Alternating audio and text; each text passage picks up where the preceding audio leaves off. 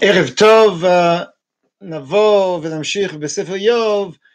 אתמול ראינו את אה, פרק ג' ואת גירושו של איוב, אה, ועסקנו עד כמה איוב מביא עמדה תיאולוגית או עמדה רגשית נפשית או בעברית אחרת צועק מתוך ייאוש, ומאוד תמכנו ברעיון שהוא עובד מתוך ייאוש, מה שהעלה את השאלה מה רוצה ממנו אליפז, מדוע הוא מתחיל לענות בתפיסות תיאולוגיות, וראינו שבגלל זה חלק מהפרשנים אכן מדברים על כך שאיוב, שאיוב גם כן טען טענות תיאולוגיות, וניסינו כאמור לדבר איזה קצר שאירע ביניהם. הערב נעבור ונבחון את תגובתו של אליפז. אני מתחיל בו בפרק ד', זה מענה שלוקח שני פרקים, פרקים ד' וה', ויען אליפז התימני ויאמר, הנישא דבר אליך תלאה, והצור במילין מי יוכל. הנה הסרת רבים וידיים רבות רפות תחזק, כושל לכימון מילך וברכיים קורות תאמץ, כי אתה תבוא אליך ותהילה, תיגע ידיך ותיבהל, הרי ידך כסלתך, תקוותך ותום דרכיך.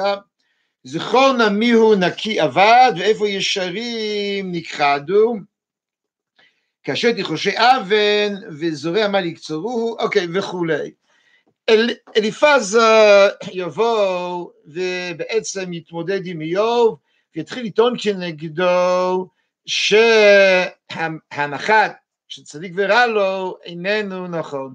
אליפז תופס את איוב בלוח שני הפרקים הללו כאדם שטוען שיש בעיה של צדיק ורע לו, אם יש בעיה של צדיק ורע לו, סימן שהקדוש ברוך הוא מת איננו שופט צדק, וממילא מת כל הוויכוח ביניהם. כאמור, איוב לא בכך אמר את זה עד עכשיו, אבל כך אליפז לכל הפחות הבין אותו. לשם כך נצטרך עוד מה להבין מה המענה, מה אליפז טוען כלפי זה, אבל קודם לכן נסתכל פה בפסוקי הפתיחה, ופסוקי הפתיחה פה אה, די, אה, די מדהימים אפשר לומר. אליפז פותח פה מתקפה חסרת מעצורים על איוב. ויען אליפז לתימני ויאמר, הנישא דבריך תלאה, והצומים מיוחל. אליפז בא ואומר לאיוב, אתה קצת סובל ואתה כבר מתעייף, הנישא דבר אליך, ברגע שאתה עומד בניסיון תלאה, אתה כבר לא מסוגל לעמוד בזה, אין לך אורך רוח, אין לך סיבולת, אין לך יכולת לסבול ייסורים, הרי ייסרת רבים, הנה ייסרת רבים בידיים רפות תחזק, אתה הרי מתגאה בזה שכל הזמן אתה היית אב לאביון ותמכת בעניים ודלים, הנה ייסרת רבים בידיים רפות תחזק, כושל יקימו מלך וברכיים קורות תאמץ, כי אתה תבוא לך ותלת תיגע דרך ותיבהל, הרי אתה כל הזמן מתגאה, ואליפז הכיר כנראה היטב את איוב ואת אישיותו, וממילא כל הנאמר בפרק כ"ט, הוא כבר מוכר לו היטב, הוא מכיר את איוב שמאוד מחזיק מעצמו, וממילא הוא עכשיו ממש לועג לו, הוא בא ואומר לו, אתה הגיבור הגדול שכל הזמן עודד את האחרים מתוך שלווה והנחת, וכל הזמן טענת כלפי האחרים שצריך להתעודד וצריך אורך רוח וצריך לא להישבר ובקיים כושלות תאמץ, ידיים רפות תחזק, פתאום כשזה קורה אצלך, כאשר זה הידיים שלך והברכיים שלך, פתאום אתה נשבר מיידית, זו הטענה שלו. הטענה היא במקום, הטענה אולי אפשר להבין אותה, אבל לומר את זה לאדם כזה, לבוא לאדם ששקל את ילדיו, שאיבד את עולמו, שכל מה שהיה לו חרב, מעולם בנוי לאיגרא רמא לביר עמיקתא, זאת מגאון עצום לשבר טוטאלי, זה מה שבאים ואומרים לאדם, גם יש לך ביקורת על ההתנהלות שלו הקודמת, וגם יש לך מאוד, אה, לא רק בוטה, אלא מפתיע, ובאמת, המשנה במציע, דף נ"ט, כשהיא מדברת על איסור של דברים, הכוונה האיסור להכאיב לאדם בדברים, כאילו לדקור אותו, דקירה ורבלית, או היינו אומרים בשוננו, אלימות מילולית, או, או בעיקר כאב, לייסר אדם, לפגוע בו מילולית, אז דוגמה שהמשנה זה אליפז במענה הזה. אל יאמר לו, כשהיו ייסורים באים אליו, אל יאמר לו כשם שאמרו רעיו לאיוב, הלא יראתך כיסתך, תקוותך בתום דרכיך, זה פסוק ז', סליחה, פסוק ו' בפרקנו, ואתם מבינים, חז"ל טוענים, אליפז ממש מייסר את איוב, מרביץ לו בדברים. ועכשיו, בנקודה הזאת כן צריך לומר, תגובתו היא קצת תגובה רגשית, זאת אומרת, הוא עדיין לא מדבר איתו תיאולוגיה. עכשיו זה פשוט לועג לו, והלעג הזה הוא באמת uh, מאוד כואב. אני נוטה לחשוב שאליפז עושה זאת, וכאמור, לפי המשנה, לגמרי שלו בצדק, כי באמת דמותו של איוב הרגיזה אותו. דמותו של איוב, הגאוותן, האדם שמלא מעצמו, זה שכל הזמן מסייר את ניסיו ונפלאותיו ואת עוצמתו ושבחיו, כאילו חותנתי אוהבת לומר, יעללך זר ולא פיך, אז במשחק מילים, יעללך זר ולא פיך.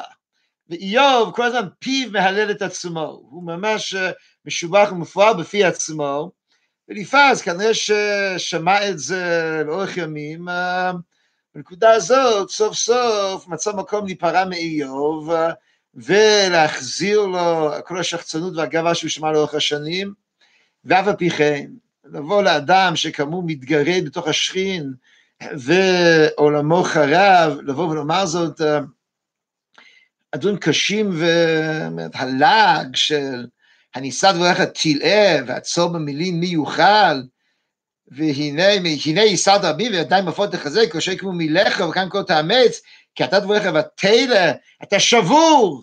אה! איפה כל החיזוק? מה עם כל הסירות מוסר שנתת? מה עם כל הדברי חיזוק והתעוררות? פתאום כשזה קורה לך הכל נעלם קיצור אומרת הוא מכיר את אותו יום שהשטן הכיר שהוא כל בעד נפשו והוא לא יכול להתאפק כאמור מסובב פה את הסכין. ואף על פי כן הדברים כואבים וקשים. גם האדם מלכים עליהם עצמו אחרי שעבר כאלו ייסורים, אז זה לא המקום לבוא ולהוכיח. עכשיו יש פה, אז אלו כאמור חמשת הפסוקים הראשונים, שהוא ממש לועג לו, אפשר לומר שהפסוקים פה כן מתייחסים למציאות הרגשית. אמרתי אתמול, כשאיפז מתייחס לדיונים התיאולוגיים, בעוד שאיוב טען טיעונים רגשיים, זה נכון לגבי המשך הפרק הזה והפרק הבא, לגבי חמשת הפסוקים הראשונים, זה לא נכון, הוא באמת מתייחס, אם נרצה, למציאות הרגשית נפשית של איוב, אלא שכאמור, איזה התייחסות זאת, וכבר חז"ל העיר הזה, כמובן, חז"ל אומרים את זה בעקבות הפסוקים בסיום הספר, שהרים לא דיברו נכונה, וזאת דוגמה מובהקת למה הם לא דיברו נכונה. עכשיו, אה, מכאן ואילך, אליפז, אחרי שהוא התייחס למציאות הרגשית, עכשיו עובר לדבר אה, בגישה התיאולוגית, אבל יש פה פסוק אחד שצריך, אה, ששייך עדיין ליחידה הקודמת, תגובתו הרגשית, אלא שהיא פסוק שניתן להתפרש בצורות שונות. הפרשות הזאת משפיעה מאוד, מה שאמרתי עד עכשיו, ותפיסת דמותו של אליפז. קראתי בפסוק ו', אני קורא בפסוק ה' שנחזור להקשר, כי אתה תבוא אליך ותלא, כי בא עליך ייסורים ונשברת, תיגע דרך ותיבהל, ואתה לא יודע לעמוד בזה, אתה בפניקה ואובדן עשתונות, הלא יראתך כסלתך, תקוותך ותום דרכיך. הפסוק הזה הוא פסוק דו-משמעי, או ניתן לפרשנויות שונות. אגב, לא פסוק יחידי באיוב, וחלק מהפסוקים הדו-משמעיים קריטי בשביל להבין את, ה... את הספר, לפעמים משמעות אחת לוקחת לכיוון א', משמעות שנייה לכיוון הפוך לגמרי. אצלי דוגמה אחת אה, מפורסמת, אה, ב... יש פסוק בהמשך הספר, הן יקטלני לא אייחל. הלא הזה כתוב בקרי וכתיב. הכתיב נדמה לי זה ל"א, והקרי זה ל"ו. כלומר, אם אתה אומר, הן יקטלני למרות שהוא פוגע בי, אני עדיין מייחל, אז הוא צדיק גדול. אם אתה אומר, הן יקטלני לא אייחל, למרות שהוא פוגע בי, אני בכלל, אני, אני, אני, אני שם פס עליו, הוא כמובן לא צדיק גדול בשל המעטה, והפסוק הזה, איך שתפרש אותו לפי הקריא, לפי הכתיב, שתטען שיש איזו אמביוולנטיות בנפשו, זה קריטי למעט כל הספר, או כל הדמות. וכך גם כאן. עכשיו, מה זה המילה כסלתך? הבעיה היא שהמילה, כי מהשורש כ' סמ"ך למד, כפי בתנ"ך, לפחות בשני הקשרים, אחד זה מלשון ככסלים, את החלק מהגוף,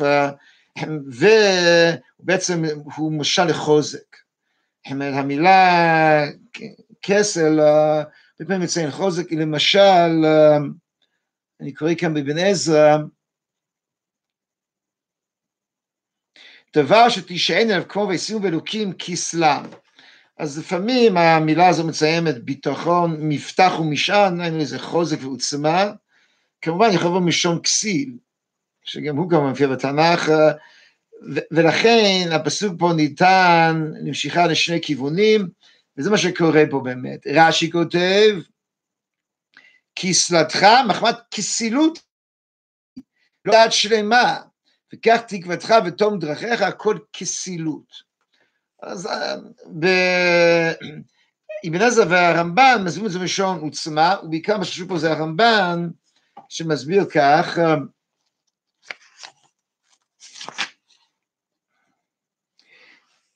כי יראתך, למה תפילה ותפילה כסלי שכמו מבטחי, ושימו אלוקים כסלם. אז uh, כאמור, יש פה, uh, יש כאן בעצם uh, שני, uh, שני פירושים ושני כיוונים.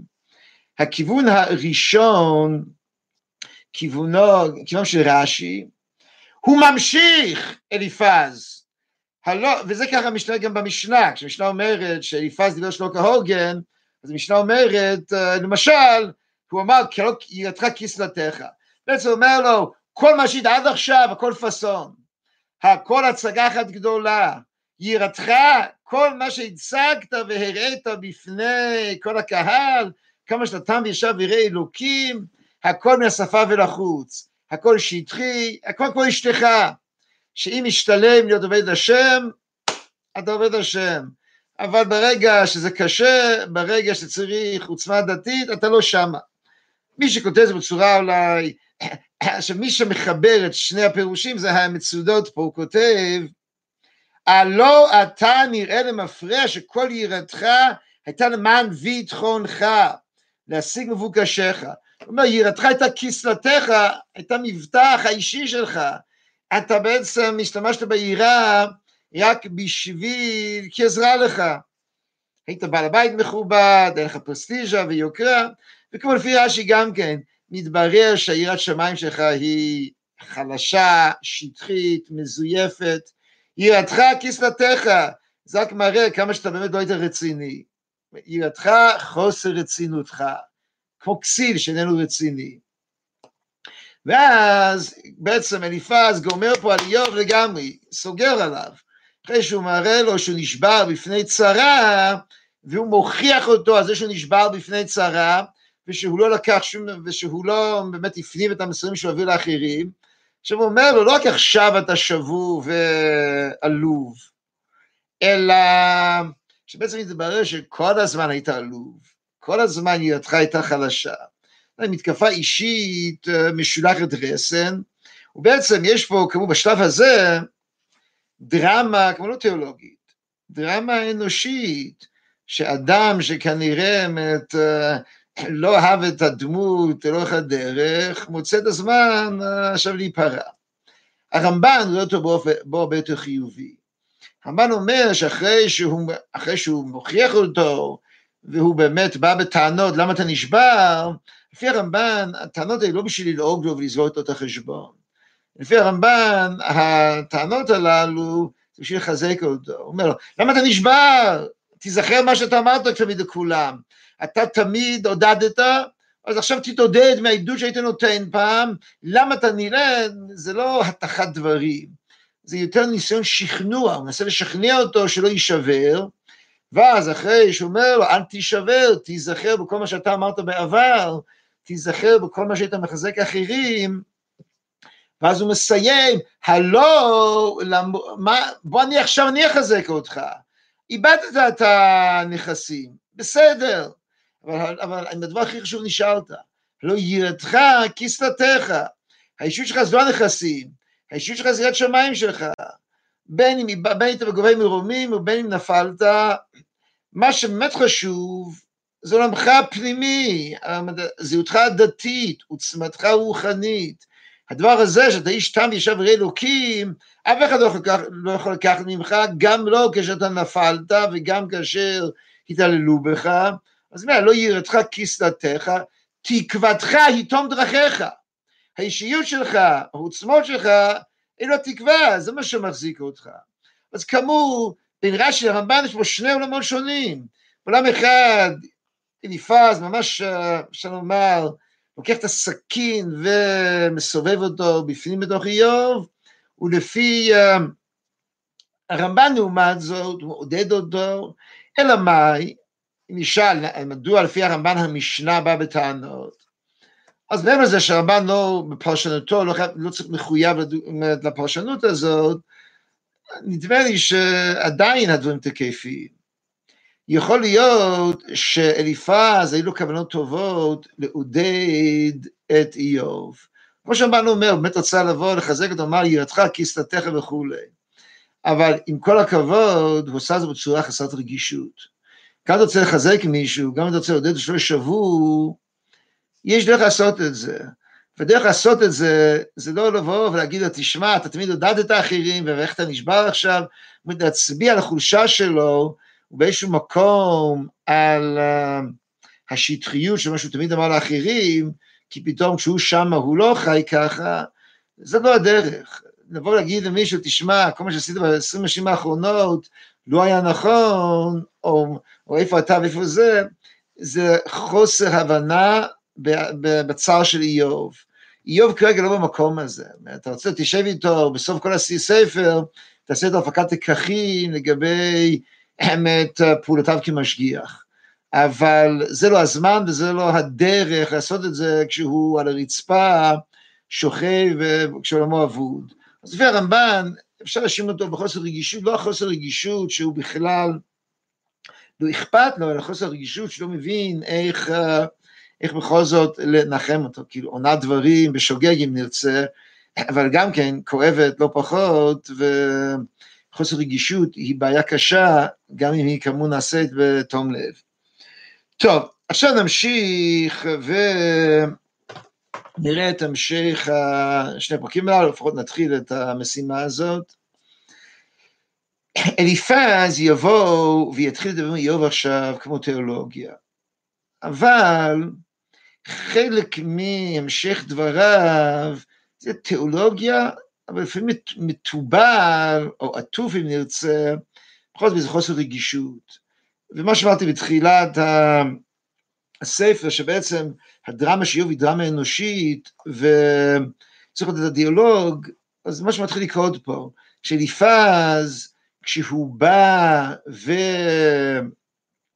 מדבר מאיוב, כמו שדבר איתו על העניינים שבהשקפה, הוא לא זהיר, הוא לא רגיש, שוב פעם, בין אם בכוונה, בין שלא בכוונה, בסופו של דבר, דבריו הם הרבה פעמים הם יהיו חסרי רגישות. עכשיו בואו נתחיל לראות את ה... בואו את הפסוקים. עכשיו, עכשיו, אליפז מבין שאיוב בא וטען, אני צדיק ורע לי. אם אני צדיק ורע לי, פירושו של דבר, שקדוש ברוך הוא לא אכפת לו ממני, לא משגיח. עכשיו, כפי שאמרתי אה, בשנים קודמים, במשך הספר הוא לא יגיד ככה, במשך הספר איוב יגיד, הוא לא יגיד שלא אכפת לו ממני, הוא יגיד שהוא אכפת לו ממני, הוא באיזשהו מקום מתיילל בי, הוא, הוא שם אותי בתור מטרה לחיצים שלו. זה, זאת תהיה טענה אחרת, וזה דיברנו אתמול, נדבר על זה כשנגיע לפרקים הללו. בשלב הזה איוב בעצם טוען שהקדוש ברוך הוא אומר, אם יש צדיק ורע לו, אז עכשיו, אחד משניים, או שאלוקים מאפשר את זה, או שאפילו עושה את זה. כמו בשך הספר דבר יותר מצד עושה. כאן זה מצד מאפשר יותר, כנראה בהמשך דברי אליפז, שאליפז רוצה לבוא ולהתמודד עם זה. מה שהוא יעשה, ואני כרגע מציג פה את המסגרת של שני הפרקים, בעצם יבוא בשתי טענות. טענה אחת תהיה, שהוא יוצא לטעון שזה לא נכון. דהיינו, שעד הגיל שיש פה צדיק ורע לו, אין צדיק ורע לו.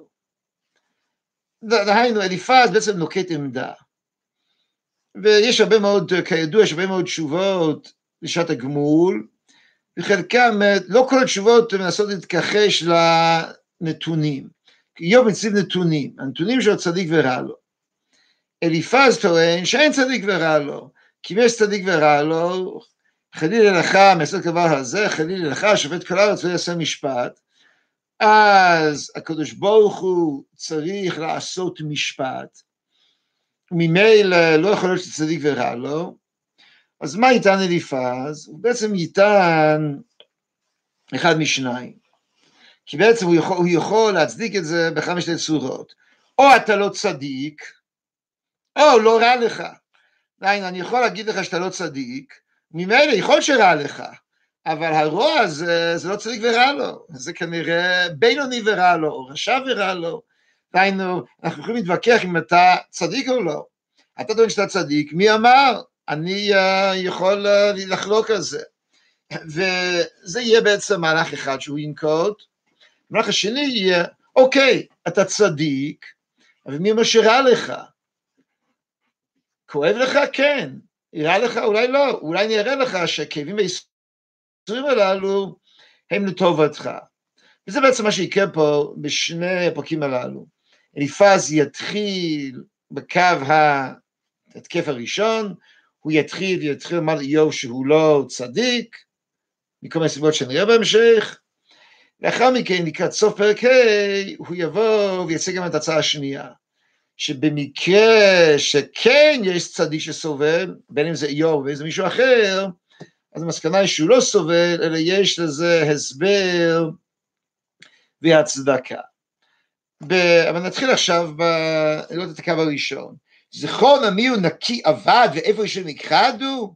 כאשר הייתי חושי אבן וזורעי עמל יקצרוהו, מנשמת אלוקי עובד ומנוח הפועל. הוא אומר, אין דבר כזה נקי עובד. אני לא ראיתי איפה יש נכחד, תראה לי מקרה שישר שנכחד.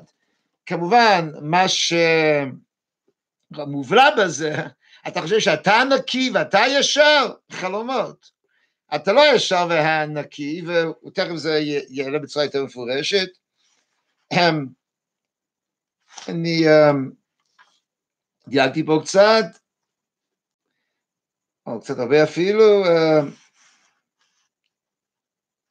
האנוש מאלוקי יצדק אם עשו יתר גבר, הם עבדו לו ימין מלאכה ושים תועליו, שוכנים בותי חומר שבפר יסודם יתקעו לפני אש. אני עכשיו דייג עוד טיפה. פרק ה' פסוק ג' אני ראיתי אוויל משריש ועקוב נווהו פתאום. יחכו בניו מישב וידקו בשער ואין מציל, שקצרו אבי אוכל ואין מצינים ייקחהו, וש... אוקיי. כי לא יצא... עכשיו אליפז בא ואומר כך, יש לך בעצם שתי טענות, יש שתי טענות אפשריות, צדיק ורע לו, רשע וטוב לו. אז אני לא הייתי נקי עובד, אני לא הייתי ישר נכחד, איי, אנשים נכחדים? בטח, הם לא צדיקים, הם לא ישרים, והוא נימק את זה בפסוקים שדילגתי ונחזור או היום או פעם הבאה בלי נדר. עכשיו הוא אומר, וגם אין רשע וטוב לו. אם יש רשע, בסוף הוא נופל. אני ראיתי אוויל משריש, ואקוב נבר פתאום, פתאום הוא נופל. אז לכן, אל תגיד לי צדיק ורע לו, רשע וטוב לו. לא צדיק ורע לו, ולא רשע וטוב לו. אני באמת ראיתי אוויל משריש, אבל ואקוב נבהו פתאום, יחלקו בלב מישע, וכולם, וכולי. ובהמשך בפסוקים אה, י"ב, מפר מחשבות ערומים ולא תעשה ידיהם תושייה, לוחץ חכמים בעומם והצד נפטרים מהרה, יומיים יפגשו חושך וחלל ימששו בצהריים, דהיינו אל תדאג, כל הראשים הגדולים, כל הראשים המשגשגים, בסוף יבוא על קיצם, הקדוש ברוך הוא יוריד, אה, הקדוש ברוך הוא יוריד אותם וישפיל אותם. אוקיי, כאמור, אה, עוד נדבר על זה, ב... אני מניח בפעם הבאה כבר, אבל כאן רוצה להתמקד בנקודה אחת. אני ראיתי אבין משריש, ואקוב נווהו פתאום. יחכו בניו מישע, וידקו בשער ואין מציל. אז הוא רוצה לומר שרשע, אין, אין דבר כזה רשע ולטוב לו. או שאם ראית רשע, אל תדאג, הוא ייפול בסוף. ואיזה דוגמה הוא מביא? הדוגמה הוא מביא מדהימה. אני ראיתי אוויל משריש, אדם מושרש, מצליח, ואקוב נווהו פתאום, ופגעתי גם בילדים שלו, ויחכו בניו מישע וידקו בשער ואין מציל. מי זה מזכיר? את איוב. הוא בא כאילו להתווכח עם איוב, והוא בא לדבר איתו, צריך ורע לו, רשע וטוב לו, ופחות ולא יותר, הדוגמה שהוא מציג לו, של רשע וטוב לו, כמעט לקוח מהביוגרפיה של איוב. הוא בא, אני ראיתי אבין משריש, והקרוב נביא פתאום. כזכור, ראינו בפרק א' איך איוב נפל. פתאום. היה לו נווה, היה לו נווה. הוא נפל פתאום, הוא נפל פתאום. היו לו בנים שדיכאו אותם, היו לו בנים שדיכאו אותם. אתה בא להתווכח עם אדם שאיבד את כל עולמו, והדוגמה שאתה מביא, זה דוגמה כזאת, שבעצם תמונת ראי של העולם שלו, זה הדרך לדבר איתו? ככה מינים את ה... ככה עונים את, ה... את המעיקות או את המעיקים? ככה אתה עונה לאדם שבמצוקה כזאת? כי להשתמש בו בתור הדוגמה של הרשע וטוב לו? לכן אמרתי קודם, האמירות שלו, שבין הוא שם לב בין הוא לא שם לב, נניח הוא לא שם לב, איזה חוסר רגישות זאת? אם הוא שם לב עוד יותר גרוע. הבעיה פה לאורך הדרך, הוא מדבר, הוא מדבר ככה כל הזמן בשפה סיבותית נמלצת, אבל לא שם לב, איזה, או שכן שם לב, איזה פגיעות מתרחשות אה, כלפי איוב. ולכן, חשבתי קודם, מעבר לדיון התיאולוגי פה, יש פה דיון, אה, יש פה גם בעיות אה, רגשיות. עכשיו, נתמקד בעוד שני פסוקים, ולאחר מכן, נמשיך את זה בפעם הבאה. תחילת פרק ה' קרנה יש עונך, עונקה, ומי מקדושים תפנה. אומר פה רש"י, צק הרבה מי יענה אותך, ומי מקדושים הגוזרים לך זאת אליך תפנה להילחם איתו. קראתי בן עזרא, כאן איננו כן, שאל אם תמצא מי שיענה אותך, ו... בעיקר המלבים פה אומר דברים חריפים. אחרי שהודיע התשובה, בפרק הקודם, שנדבר על זה פעם הבאה, שהשיג על זה בנבואה, אמר אליו, בל יתפלא מדוע באה התשובה לידי אליפז ובא הקדוש שהוא המלאך המגיע את הנבואה ומענה איוב אליו בעצמו. הוא אומר לו, למה אני קיבלתי תשובה לשאלה שלי? וכאמור זה מתבסס על נבואתו שנדבר עליה בפעם הבאה. למה אני קיבלתי תשובה ואתה לא קיבלת תשובה? למה אליי בא מלאך באמצע הלילה וסיפר לי ואף אחד לא בא אליך? למה איש, קרנה איש עונך, אף אחד לא שם עליך, אף אחד לא מתייחס אליך בשמיים? למה? כי לאוויל יהרוג כעס ופוטה תמיד קינה, שאחרי, אני קורא את המלבים שוב, שאחר שהיית אוויל ומסופק בהשגחת השם, אינך ראוי שיופיע אליך דבר השם וקדושיו. קיצור, אומר לו אליפז, אם בתחילת פרק ד' הוא אמר לו, תשמע, אתה דמות שבורה, איך אתה, איך הודעת את האחרים ועכשיו אתה שבור, עכשיו, עכשיו במקום לדבר העבר, עכשיו הוא מדבר בהווה. איך אני מקבל נבואה, איך אני אומרת, מכירות, הוא בעצם נופל בו לאותו בור שאיוב היה בו. אני אקח את הפסוקים שמתארים את נבואתו, לא את התכנים שלה. ואלי דבר יגונה ותיקח אוזני שם עצמנו בסיפים בחזות לילה, מלפות אמר על נשים, אז אפשר באיזשהו מקום, אוקיי, הוא נותן אינפורמציה, זה נבואה, הוא צריך להסביר איזה סוג נבואה יש לו.